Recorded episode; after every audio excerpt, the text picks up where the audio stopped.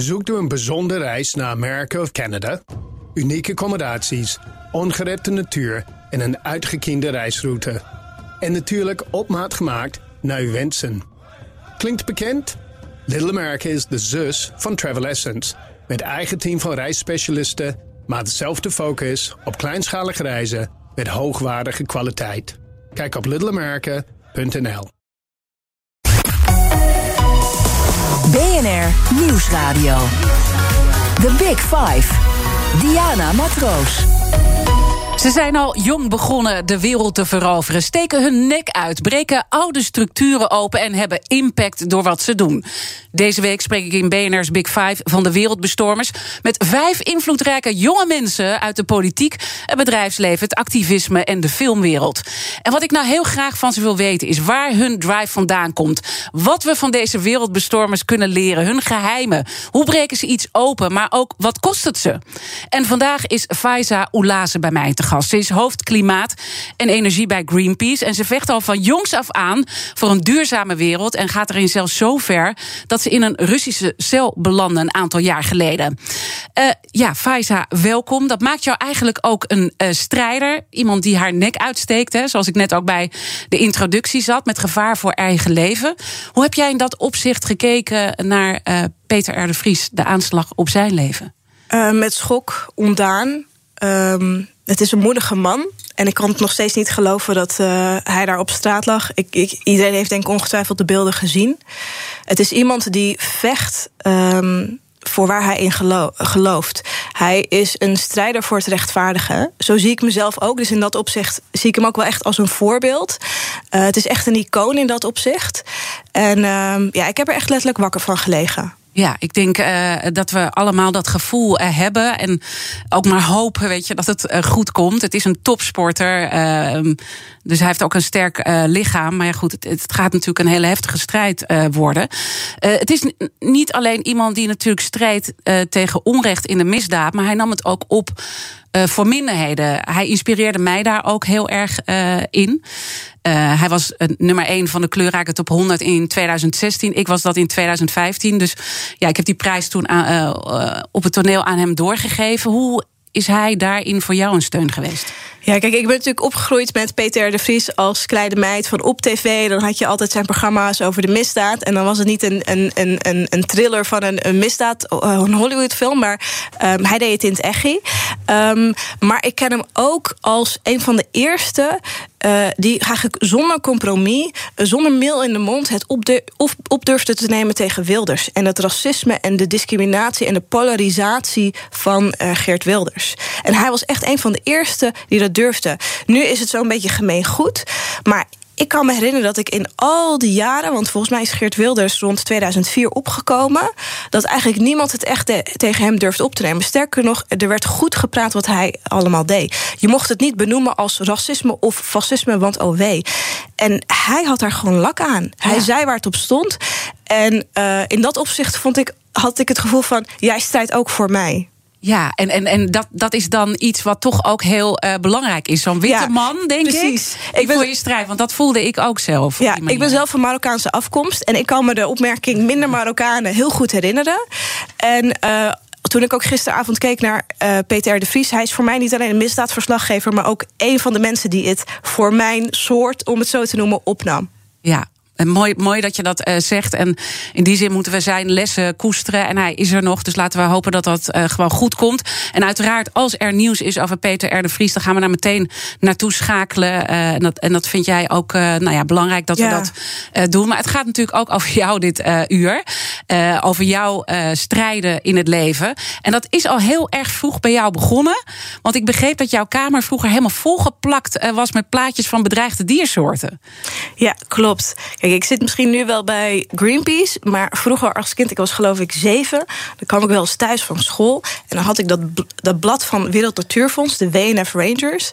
En ik weet nog dat ik daar allerlei dingen zag en las over bedreigde diersoorten.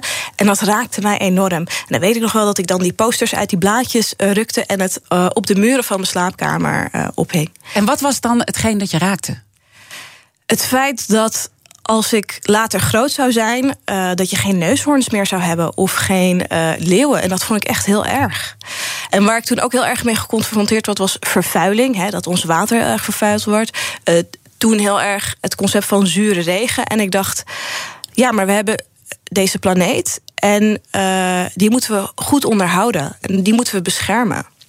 Ik denk dat het wel heel mooi is om de kettingvraag hierbij te pakken. Want er zit ook altijd een diepere drijfveer in wat mensen doen. En ook die fascinatie, denk ik, die je toen uh, had. En gisteren sprak ik met actrice, filmmaker en sociaal ondernemer Hanna Verboom van Cinetree, een maatschappelijke videostreamingsdienst. En zij had deze vraag voor jou. We hadden het net al over dat uh, dingen die je zelf meemaakt in je jeugd, weet je, dat dat vaak ook hetgene is wat je drijft in wat je later gaat doen. Um, en dat zal bij Faiza ongetwijfeld het geval zijn. Dus ik ben heel benieuwd wat dat is Uh, wat zeg maar het persoonlijk verhaal is wat ervoor zorgt dat zij dit is gaan doen. Um, en anderzijds, ja, dat is ook een beetje een synergy vraag. Welke film of documentaire heeft haar geraakt? En uh, ook zeker in verhouding tot wat ze nu doet met Greenpeace. Het zijn eigenlijk twee vragen die ze stelt. Laten we beginnen even bij de eerste vraag. Dat strijden voor een betere, duurzame wereld, je idealen. Kreeg je dat vanuit je opvoeding mee en ook uh, nou ja, wat je hebt meegemaakt met jouw Marokkaanse achtergrond, wat je eerder vertelde? Ik denk vooral dat laatste. Um, dus ik denk niet per se dat mijn ouders per se heel erg bezig waren met duurzaamheid. Um, wel is het zo, mijn ouders komen uit Marokko. En die komen uit het gebied waar water bijvoorbeeld enorm schaarste is. Waar als je ergens een boom hebt, uh, dat je die echt moet koesteren. Voor dat, dat stukje groen en de schaduw en het eten wat het je kan geven. Um, dus daar ben ik altijd heel erg bewust van geweest. Maar goed, nou ja, ik kom ook uit een gezin uh, die het niet breed heeft gehad. ik ben Marokkaans, ik ben vrouw. Dus ik heb te maken gehad met vormen van discriminatie, uh, met vormen van onrecht. En ik denk dat dat mij een heel sterk rechtvaardigheidsgevoel heeft gegeven en ook wel echt een soort van strijder heeft gemaakt. En als ik kijk naar milieu en klimaatverandering, dat is voor mij ook een vorm van sociaal onrecht. En ik denk dat allemaal bij elkaar opgeteld, dat dat um, mij heeft gevormd. En intussen ben je hoofd uh, klimaat en energie bij Greenpeace. Hè. Je bent ooit begonnen, nou ja, dat je, dat je ook verbonden was aan uh, GroenLinks. Maar uh, intussen ben je dit nu en heb je van alles intussen meegemaakt. Sta je nog wel eens op de barricade? Ik sta nog steeds op de barricade, ja. Ja, en hoe voelt dat als je op die barricade staat? Dat voelt puur rauw en juist. Rauw en juist. Ja. En dat rauw, wat is dat? Um, nou, op de barricade staan is, wij kunnen vaak uh, praten over daar waar, het, uh, waar, de, waar de misstanden plaatsvinden. En op de barricade staan en actie voeren is daar naartoe gaan waar het over gaat. Um, ik ben in 2013 naar de Noordpool afgereisd, samen met 29 anderen op een Greenpeace-schip. En je kunt het hebben over het beschermen van de Noordpool. Maar soms moet je daar gaan waar het allemaal plaatsvindt. En dat is hoe het voor mij voelt. Ja, en dat, en dat rouwen, want dan uh, refereer je aan iets. Uiteindelijk belandde je in een Russische cel twee maanden. Ja. Uh, is dat ook dat rouwen, dat het, uh, dat, dat het zo ver kan gaan dat je met gevaar voor eigen leven dan in zo'n situatie terechtkomt? Ja, je gaat eigenlijk een beetje terug naar, um, naar, waar, naar het fundament, naar de basis. Waarom je dit doet, waarvoor je dit doet. En dat is ook heel erg wat ik. wat me bij is gebleven van die periode. In de cel uh, was mijn vrijheid mij ontnomen. En in dat, voelde ook heel erg rauw. En toen ben ik heel erg gaan nadenken: waarom heb ik dit gedaan? Uh, waarom is het belangrijk voor mij?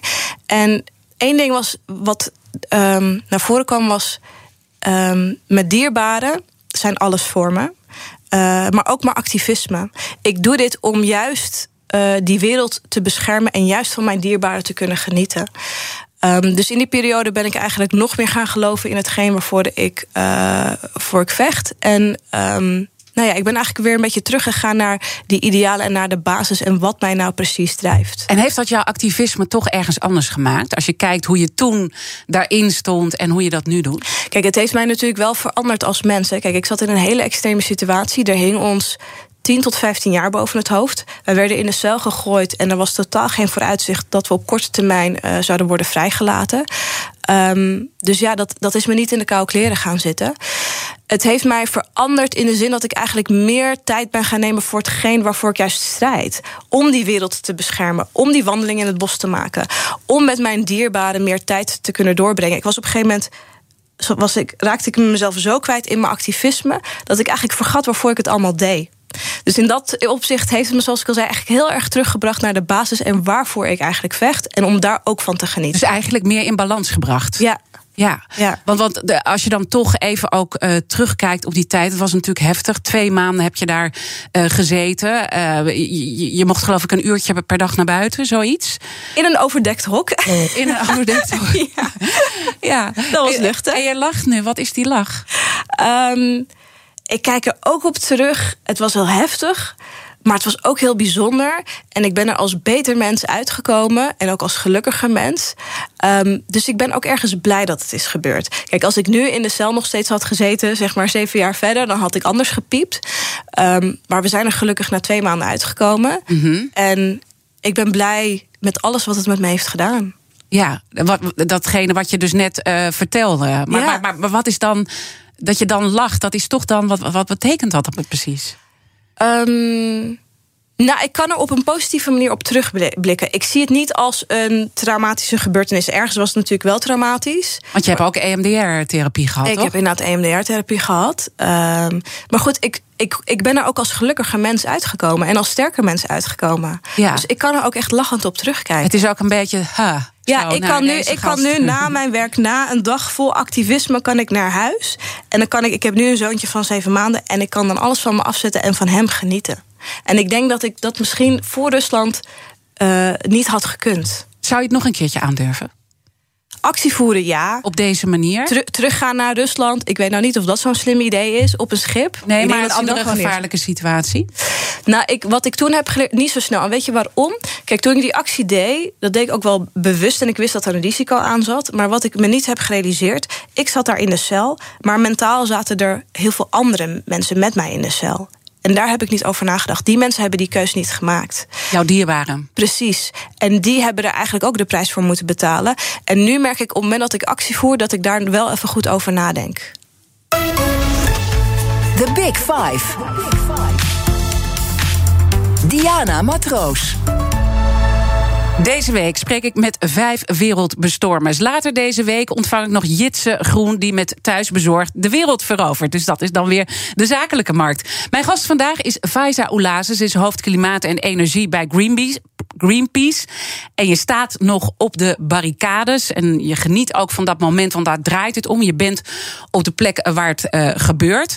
Eh, het heeft ook wel, denk ik, dat rouwen hebben we net van een bepaald punt eh, belicht. Maar het heeft denk ik ook met eh, macht te maken. Voel je je machtig in zo'n positie? Of soms ook wel eens machteloos? Op de barricade voel ik me juist wel machtig. Ja, absoluut. Wat is, ik- wat is dat, die macht? Eh, je bent een luisterende pels. Het is ergens ook. ehm, ehm, je brengt iets in beweging. Je kan iets stopzetten en iets in beweging brengen. En als je kijkt naar alle vormen van strijd, of het gaat over vrouwenrechten of ehm, eh, ehm, eh, racisme en discriminatie, of eh, alles rondom milieu. of kijk naar Gandhi. Die ging samen met groepen mensen daar naar waar ze moesten strijden tegen dat onrecht. En als je op die barricade staat met de stem eh, van het volk, dan geeft het je ontzettend veel macht. Je doet in ieder geval iets. Ja, je doet iets. Je kunt iets stopzetten eh, of iets in beweging brengen. Je bent een soort van katalysator. Ja. En dat is wat je heel machtig maakt op dat moment. Ja, en, en dat vind ik dan ook weer heel, heel mooi wat Peter R. de Vries in dat gesprek met mij eh, vertelde. Is dat eh, heel veel mensen kijken de andere kant op en doen niks. En hij kan daar niet mee leven. Dus, dus dat is een les die we van hem kunnen leren. Van spreek je meer uit. Voel je daarin ook wel eens machteloos dat ook een heleboel mensen de, de boodschap waar jij voor strijdt, dat toch niet oppakken? Ja, absoluut. Ik, en dan niet zozeer van de boodschap niet oppakken. Ik denk dat eh, als het gaat om klimaatverandering. eh, dat heel veel mensen zich zorgen maken. Ehm, en tegelijkertijd zie je dat daar waar de actie vandaan moet komen. En dan moet je kijken naar politiek Den Haag. Maar dan moet je ook kijken naar eh, grote bedrijven die verantwoordelijk zijn voor een groot deel van de, van de uitstoot en van de vervuiling. Die blijven toch eigenlijk een beetje bij de pakken neerzitten. Die praten je naar de mond, maar die, blijven, die doen eigenlijk niks. En die gaan door met business as usual. En dat kan heel Nou, ze machteloos doen wel voelen. iets, we- daar gaan we ook in het tweede deel van ons gesprek over praten. Er zijn wel eh, eh, bewegingen, maar het gaat jou natuurlijk te langzaam. Uh, ja, kijk, klimaatverandering is een tik tikkende tijdbom. Uh, we hebben gewoon niet zoveel tijd meer om te verdoen. En dat, nou ja, daar kan ik soms cynisch van worden. En uh, kan soms ook wel leiden, zeker als je naar. Ik weet niet of je het gisteren hebt gezien. Toen was er een soort van bericht, ik geloof op nu.nl. dat we verliezen tweemaal het oppervlak van Nederland aan ijs elk jaar wereldwijd. Dat zijn wel van die momenten waar ik best cynisch kan worden. Van het gaat gewoon door. Het gaat gewoon door. En wij gooien niet snel genoeg het roer om. Ja, en, en wat is dat dat we dat niet uh, uh, aandurven om dat te doen? Nou ja, dat, ja, dat heeft te maken met gevestigde belangen. Kijk, onze hele economie draait op kolen, olie en gas. En dat, mm-hmm. wil je dat omgooien, dan is dat een enorme transitie. Denk, kijk ook bijvoorbeeld naar, ik geloof dat de boeren vandaag weer gaan, gaan protesteren. Ja, zeker. Naar het landbouwsysteem. Ja. Kijk, de, de, hoe wij ons voedsel verbouwen, maar ook het vee, dat, ook dat moet volledig worden omgegooid. En uh, weet je, uh, niemand heeft altijd zin om zijn huis te verbouwen, om het maar zo te zeggen. Hè? Of het, misschien om het zelfs te slopen en dan vanaf nul weer te beginnen. Uh, want dat vraagt heel veel van je. Uh, maar dat is soms wel nodig. En het levert ons ook ontzettend veel op. Het geeft ons namelijk een toekomst. Want het huis staat nu op instorten. En ik denk dat die gevestigde belangen, daar moet je tegenaan knokken. En dat is soms heel moeilijk. Ja, en, en, en over die strijd gaan we in het tweede deel van ons gesprek uh, zeker praten. Nou zou corona ook een soort van reset zijn. Hè? Dat was het gevoel wat we heel erg hadden. Ja, van, ja. En, en, en, die vliegtuigen die gingen veel minder. En, en nou ja, we hadden echt zoiets. Ja, misschien gaan we dat allemaal wel anders doen. Wat komt er nou van uit, van dat gevoel? Als, als, als je het nu zo beschrijft. Um, ergens dat we weer uh, ook wel heel graag ons, onze oude gewoontes weer oppakken. Tegelijkertijd, als ik kijk naar wat er afgelopen anderhalf jaar is gebeurd. Als het nodig is, als de nood aan de, aan de man is, of als de nood aan de mens is, dan zijn we bereid om, uh, om ons leven te veranderen. Dan zijn we be bereid om de economie en de samenleving om ons heen te veranderen. En dat geeft mij ergens wel hoop. Het zegt niet dat we nu zijn waar we moeten zijn als het gaat om klimaat. Ik bedoel, het is nog steeds een hete aardappel wat we gaan doen met de stikstofcrisis. En of we wel die veestapel gaan knippen. Het is allemaal hartstikke gevoelig. Um, het is nog steeds een hete aardappel of we wel uh, onze uitstoot uh, voor 2030 uh, snel genoeg gaan reduceren. Um, tegelijkertijd zie je wel als, als het nodig is, als er een crisis is... en de klimaatcrisis is een crisis. Veel groter eigenlijk dan die van corona. En eigenlijk was er heel veel steun voor de lockdown. Er ja. was heel veel steun voor de. Maar de meeste mensen laten zich gewoon vaccineren. En dan denk ik, als we dit kunnen, dan kunnen we ook de ja, klimaatcrisis. Maar, maar, maar dan, dan, dan eigenlijk, want kijk, eh, dat we dit allemaal accepteerden, was ook gewoon omdat het al heel heftig was. Dus het moet misschien nog erger worden voordat het dan doordringt. Is, is dat gewoon misschien uh, dat je tegen die muur op moet rijden om te kunnen veranderen?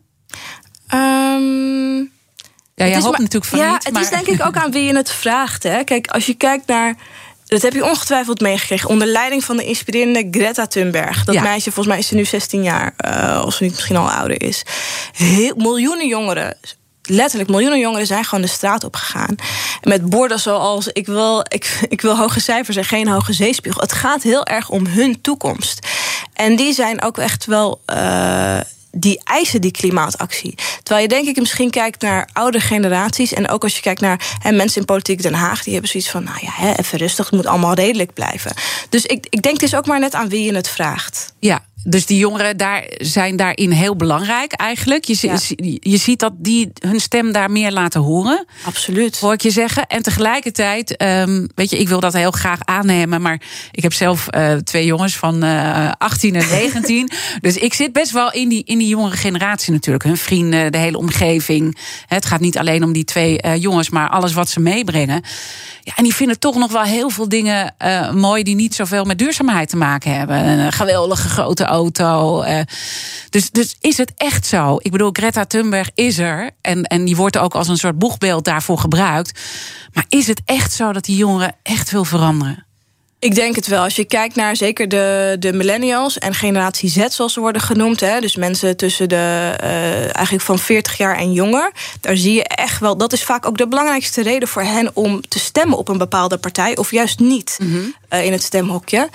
Um, kijk, ik, ik denk dat ook heel erg. Je had het over een gevoel van machteloosheid.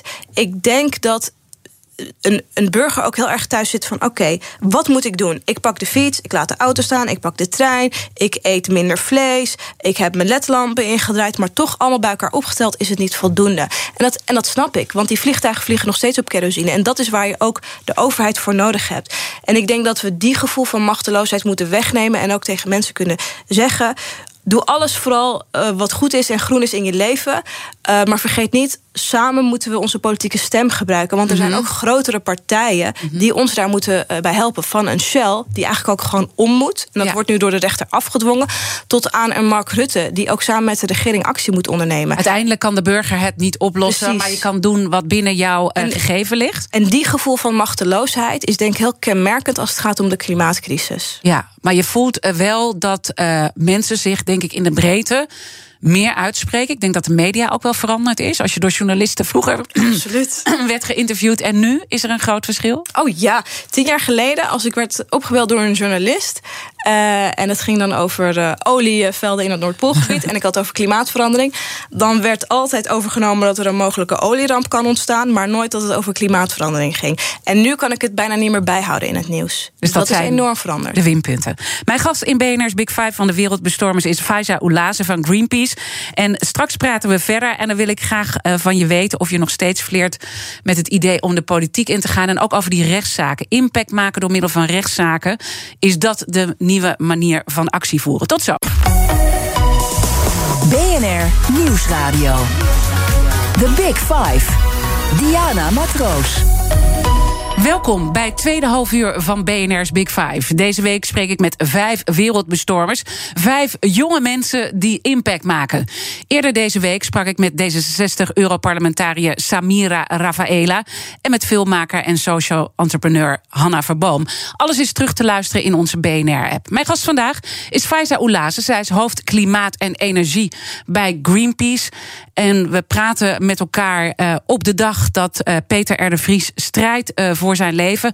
En ik merk ook aan jou, Faiza, dat je ook tijdens de commercial break... je bent elke keer aan het kijken hoe gaat het met hem. Het is, het is ook echt iets wat jou enorm bezighoudt. Ja, en ik, ik vrees, ik durf het bijna niet te zeggen. En tegelijkertijd denk ik dat heel veel mensen uh, elke keer als ze naar een nieuwswebsite gaan, vrezen voor het bericht dat hij er gewoon straks niet meer is. Ja. Maar we hopen gewoon dat, dat het tegendeel. Uh, we wordt... hopen op goed nieuws. Ja, en, en we blijven natuurlijk het uh, laatste nieuws hier volgen. Dus als er iets is, dan uh, laten we dat zeker hier meteen horen. terug naar jouw verhaal. we hebben al een beetje, nou ja, waar, waar jouw strijd vandaan komt. Hè? Als, als jong meisje met al die plaatjes met bedreigde diersoorten. die je in een kamer plakte. tot aan hoofd klimaat en energie bij Greenpeace.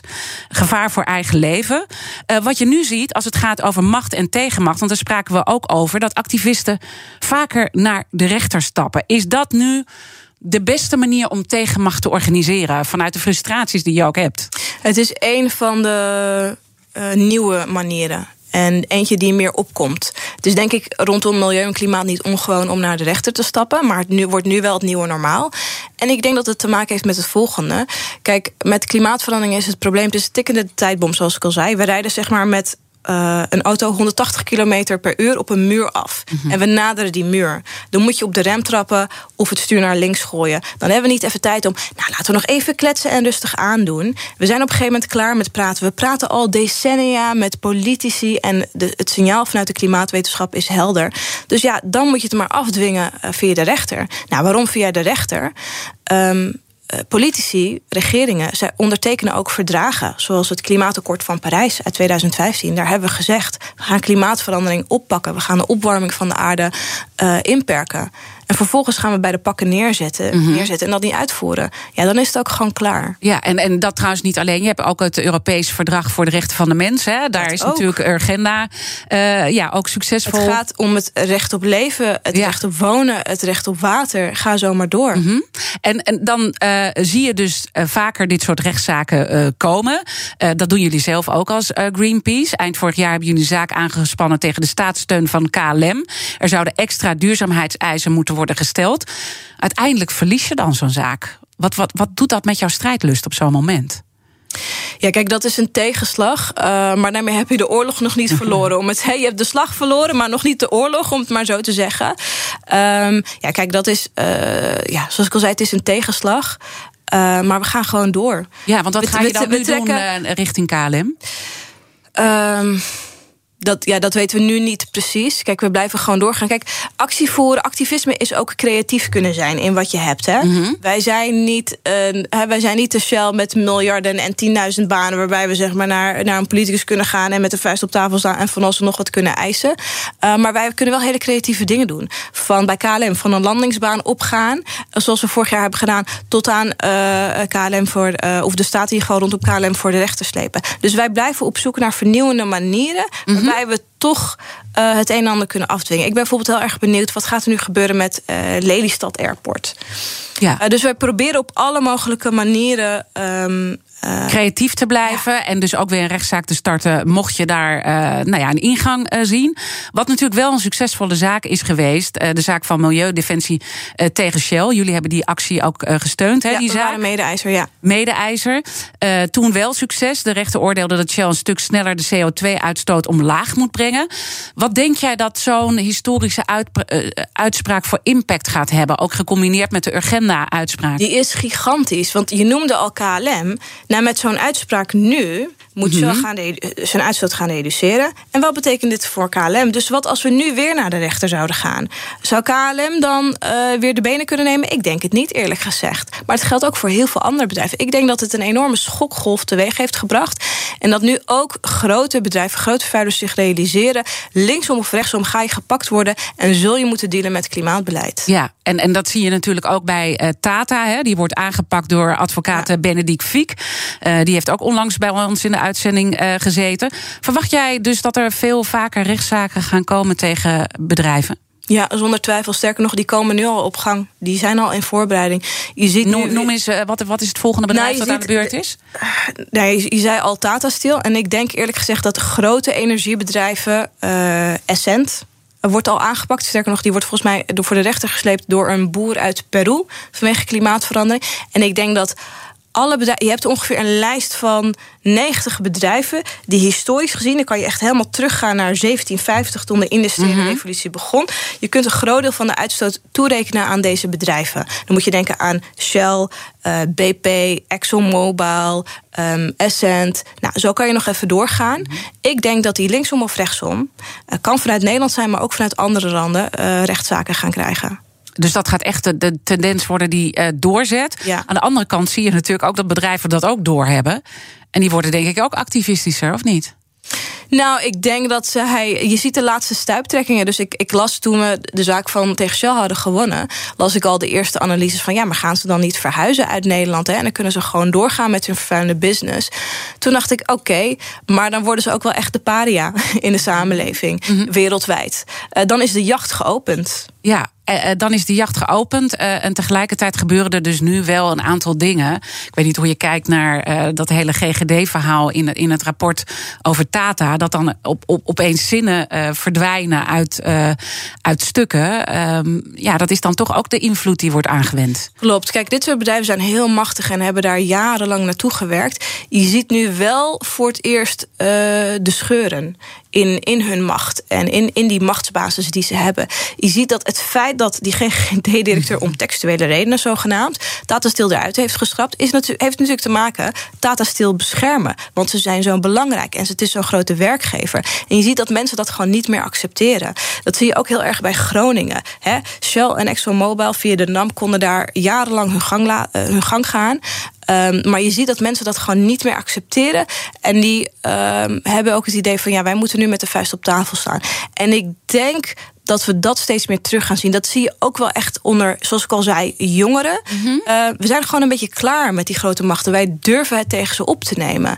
En dat zie je ook wel echt in de verbreding ook van de klimaatbeweging. We zien ook groepen opkomen zoals Extinction Rebellion, Code Rood. Je ziet bijvoorbeeld in Duitsland dat er elk jaar tienduizenden mensen letterlijk in een kolenmijn gaan zitten om de boel te bezetten. Wij zijn er gewoon een beetje klaar mee. We zijn bereid om um, de staat op te gaan om te vechten tegen die grote macht. En, en wat, wat, is de trigger geweest dat niet alleen wat jongeren zijn daar heel erg belangrijk in, maar dat uh, dus ook anderen zich steeds meer gaan uitspreken hierover? Klimaatverandering is heel erg voelbaar, maar ik denk ook dat andere ontwikkelingen daar een rol in spelen. Um, dus ik, ik denk dat de opkomst van Trump eigenlijk ons heel erg bewust heeft gemaakt van onze idealen en waarden. Mhm. En waarom we hem zo fout hebben gevonden. Je ziet ook eigenlijk ook na de opkomst van Trump dat ook de MeToo-beweging heel sterk is opgekomen. Waarbij heel veel vrouwen eigenlijk het, het idee hadden van nu moet ik mijn mond opentrekken. Nu ga ik vertellen wat mij is overkomen. Mhm. Dat zie je ook denk ik ergens met de antiracisme-beweging. Ik denk heel veel dingen die we niet hebben durven uitspreken. Je ziet nu dat we in een tijdperk leven ehm, waar we dat podium gewoon opeisen. Ja, dus dat is eigenlijk wel de, de internationale eh, nou ja, positie van Trump. Die heeft er eigenlijk voor gezorgd dat er een omslag is Nou, ik, gekomen. ik wil hem niet zeg maar, de credits geven als zeg maar, de gemeenschappelijke vijand. Ik denk alleen wel. Zijn presidentschap heeft zoveel dingen op scherp gezet. dat het activisme ook in iemand die misschien nooit op straat eh, eerder was geweest. opeens dacht: ik ga naar de Women's March. Opeen da- opeens dacht van: ik ga nu naar een anti-Zwarte Piet-protest. Mhm. En opeens dacht: ik ga nu naar een klimaatprotest. Ja, en de vraag is hoe lang eh, houden we het vol? Hè? Want we hebben natuurlijk wel over andere dossiers eh, je, je uitspreken. Maar uiteindelijk kan, kunnen dingen gewoon ook doorgaan. En kunnen we ook in Nederland eindeloos discussiëren over dingen. Ja, klopt. Kijk, ik heb geen glazen bol. Nee. Wat ik nu wel zie is. activisme is niet een. Een, een, trendy ding. Eh, het is echt een beweging in opkomst. En die is aan het verbreden, aan het diversificeren. En ergens ook op sommige aspecten aan het radicaliseren. Maar je ziet ook tegenbewegingen. Ehm, en, ik, en ik denk, ehm, nou ja, daar waar eh, wrijving is, eh, krijg je ook glans. Dus ik denk dat dat ook het pad is richting verandering. Ja, en, en tegelijkertijd dan het activisme en hoe, hoe jullie dat dan inzetten. Hoe wordt daar dan vanuit de politiek op gereageerd? Het wordt ergens omarmd. Hè. Dus er, is, er zijn heel veel mooie woorden. eh, hè, dat we inderdaad klimaatverandering moeten aanpakken. Er is heel veel eh, greenwashing. Ehm, en tegelijkertijd zie je ook wel dat. En dat, dat, ik, dat is een ontwikkeling die ik steeds meer zie, die ik heel zorgwekkend vind. Dat klimaatacties ook wel een beetje in de criminele hoek worden geplaatst. Hè, Oh ja? Waarbij de AIVD nu er bovenop zit. En er was laatst een tweet van staatssecretaris Jezel Gus. Van die op een gegeven moment zei: van ja, ik zie steeds meer gevaarlijke klimaatacties. Nou ja, ik ben, ik ben een klimaatactivist. Ik. eh, uit principe, eh, alle acties waar ik aan meedoe zijn vre- vreedzaam en geweldloos. En de meeste acties die ik zie in de klimaatbeweging zijn ook vreedzaam en geweldloos. Je ziet wel sommige voorbeelden waarbij bijvoorbeeld Extinction Rebellion hè, op een zebrapad gaat zitten, ehm, ruiten inslaat. En dan zie ik gelijk al dat het allemaal in een verdomhoekje wordt geplaatst. Ik wil bepaalde acties niet goed praten, maar ik vind het wel interessant. Nou, volgens mij zijn de boeren inmiddels onderweg Ja. naar Den Haag. 11 uur die hebben snelwegen geblokkeerd, doodskisten eerder gehad met namen van politici. Eh, de provinciehui- deuren van provinciehuizen inge- ingeramd. En, en dan gaan we dan met z'n allen naar ze toe en zeggen van ja, we hebben, we hebben begrip voor jullie. En dat snap ik, want de boeren staan onder enorme Mhm. druk. Hè. Die hebben gewoon te maken gehad met wisselend, met wisselend beleid. Eh, heel veel boeren hebben het gewoon ontzettend moeilijk. Eh, dus die hebben denk ik ook wel echt onze steun nodig. Tegelijkertijd zie ik ook wel dat politici, zodra ze ergens een klimaatactie eh, zien die net iets te ver gaat, dat ze het ook gebruiken als een excuus om te zeggen: ja, ik ga niks meer doen op klimaat. Ja, en, en, dat is En ook dat hoe je die tweet leest. Hè? Ja. Eh, ehm, eh, dat het echt gecriminaliseerd eh, wordt. Eh, tegelijkertijd was dat volgens mij wel in relatie tot een Duitse Greenpeace-actie. waar eh, een parachutist in het stadion kwam. Ja, toch? klopt. Dat was Daar ook is iets fout gegaan. Klopt. Twee, en daar hebben jullie ook excuses voor aangeboden. Ja, ja. Ehm, dus Ook wij kunnen soms fouten maken. en dan moet je ook excuses voor aanbieden. BNR Nieuwsradio. The Big Five. Diana Matroos. Je luistert naar BNR's Big Five van de Wereldbestormers. Mijn gast vandaag is Faiza Oulaze. Zij is hoofd klimaat en energie bij Greenpeace. En eh, Wereldbestormers heeft te maken met strijd, dingen openbreken. We hebben dat al van verschillende perspectieven gezien in jouw verhaal, eh, hoe je dat aanpakt. Een van de grootste politieke uitdagingen van dit moment is stikstof. Hè. Het viel al een paar keer eh, in ons gesprek. Het Planbureau voor de Leefomgeving berekent dat met de huidige stikstofdoelstellingen landbouw op veel plekken in Nederland gaat verdwijnen. Boeren zijn daar dan echt ook weer heel kwaad over, over zo'n rapport. Eh, toch gaan jullie nog verder eh, dan eigenlijk wat, wat, wat in die rapporten staat. Eh, nog radicalere stikstofdoelstellingen voor de landbouw. Niet 50% reductie in 2035, maar 90%. Eis je daarmee niet ook het onmogelijke? Ehm, nou ja, als je het aan een klimaatwetenschapper vraagt, niet. Het zal wel moeten. Kijk, we hebben in Nederland ongelooflijk eh, veel stikstof. Veel meer als je kijkt naar, eh, naar andere landen in Europa. Eh, we hebben een enorme veestapel. We hebben echt miljoenen. eh, kippen, koeien, varkens, ga zo maar door. Um, dus we hebben wel de grens bereikt. En kijk, zoals ik al zei, eh, klimaatverandering. Wij zitten zeg maar, wij rijden met 180 kilometer uh, per uur op een muur af. Wij kunnen wel tegen elkaar zeggen, nou, hè, laten we even rustig aandoen, laten we hier nog even over nadenken. Maar het roer moet om en anders moet je keihard op de rem trappen. Ja, en, en, en dan uh, kijk ik toch even naar die boerenprotesten, hè, die later vandaag beginnen. Om 11 uur staat nu gepland. Ehm, ze gaan weer protesteren tegen die nieuwe stikstofwet. Overigens is er ook laatste nieuws binnen gekomen dat ze ook uh, stilstaan bij de aanslag op Peter R. Vries. Uh, dat laat Farmers Defence Force uh, weten. Bij aanvang van de protesten zullen een minuut stil te houden. Uit respect en medeleven. Maar hoe kijk jij naar het protest van die boeren? Want die worden natuurlijk wel, weet je, hun brood verdwijnt van de ja. plank. Ja, en dat snap ik. Hè. En dat geldt ook bijvoorbeeld voor de kolencentrales die we de afgelopen jaren hebben mhm. gesloten in Nederland en die we nog zullen blijven sluiten. Weet je, uh, mensen verliezen gewoon hun brood, mensen verliezen hun baan. En ik denk dat je voor die mensen er moet zijn, die moet je ondersteuning bieden. En uh, ik snap het heel goed dat uh, boeren gaan protesteren. Ik denk niet dat je die veestapel kunt krimpen zonder een perspectief te bieden voor die boeren. En dat is gewoon hartstikke belangrijk. Kijk, die boeren zijn uitgeknepen. Hè. De prijs die wij betalen in de supermarkt uh, vertegenwoordigt eigenlijk niet de werkelijke prijs van een pak melk of mhm. van een kilo vlees. Hè, het boeren, hè, de tussenpartijen zoals de supermarkten en zo, maar ook de Rabobanks die al die de leningen hebben verstrekt, die zijn hier hartstikke rijk van geworden. En wie trekken er aan het kortste eind? De natuur, het klimaat en de boeren. En dat moeten we recht zien te zetten. Dus ik denk, um, weet je, uh, scheld de schulden kwijt van die boeren. Uh, ze perspectief. Help ze op zoek te gaan naar een ander inkomen. En als je dan kijkt naar de politieke opstelling uh, in deze, dan zijn jullie ook heel kritisch. Hè? Want als er in het regeerakkoord geen concretere doelen komen, dan stappen jullie naar de rechter. Ja, ja, sterker nog, we hebben al eigenlijk gedreigd met een, uh, met een zaak, een natuurzaak.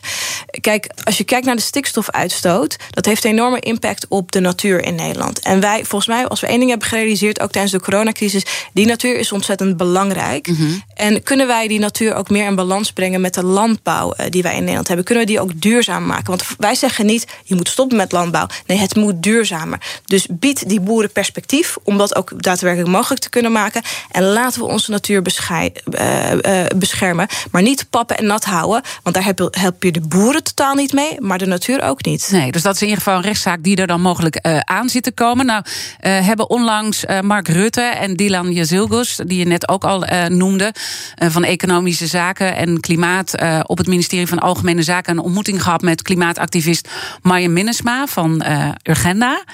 Stemt dat dan hoopvol? Want dat gaat ook over nou ja, hoe je dingen ook kan oplossen, bijvoorbeeld met Tata.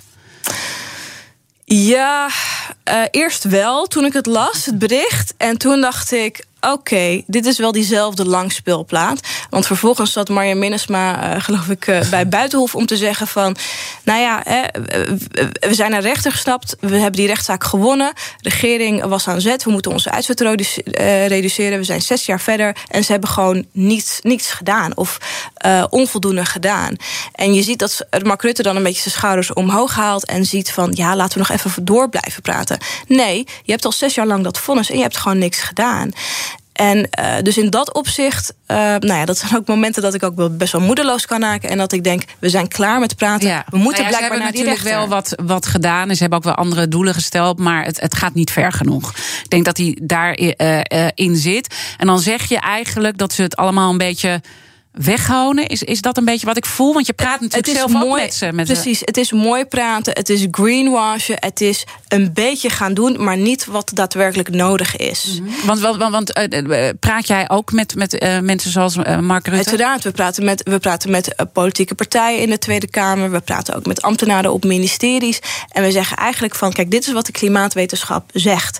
En kijk, je kunt wel met ons gaan onderhandelen... alleen het klimaat onderhandelt niet. Mm -hmm. hè? Het is in dat opzicht vrij zwart-wit. Als wij onze uitstoot niet voldoende, niet snel genoeg reduceren, ja, dan weten we wat de consequenties daarvan zijn. Dus het is heel fijn dat Mark ja. Rutte dan wel in gesprek gaat met maar Minnesma. Maar intussen loopt ze naar buiten met het gevoel ik moet blijkbaar verder gaan en dwangsommen gaan eisen. Want deze regering Ja. lapte de uitspraak van een Nederlandse rechter aan zijn laars. Ja. Loop jij ook zo naar buiten als je bijvoorbeeld bij algemene zaken met ambtenaren praat? Soms wel. Ja, kijk, ik ben nu, ik ben nu ruim tien jaar klimaatactivist.